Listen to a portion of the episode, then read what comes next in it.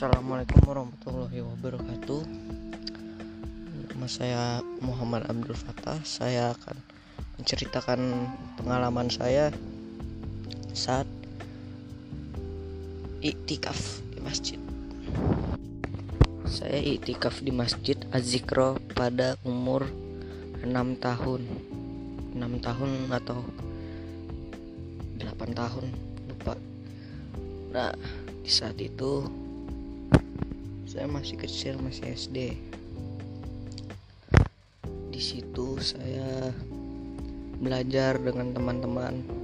Dan di situ juga ada guru guru ngaji di sana yang mengajarkan. Dan di sana rame banget.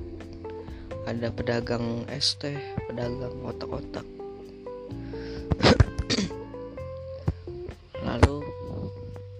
pada saat di situ di situ saya tidur di sana berbarengan dengan yang lain bersebelah sebelahan dalam masjidnya. Seperti penginapan biasa tetapi ini di masjid dan menggunakan AC yang sangat yang sangat dingin.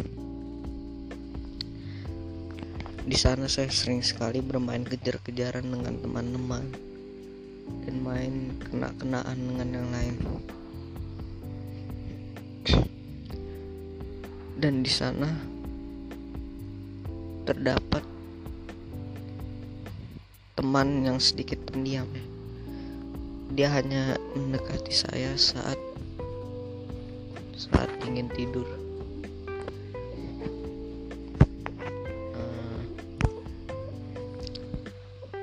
tetapi dia sangat jago gambar. Saya belajar gambar robot dari dia. Dan akhirnya saya pulang dari masjid situ setelah dua hari kemudian. Jadi saya cuma menginap dua hari. Eh dua hari satu malam. Assalamualaikum warahmatullahi wabarakatuh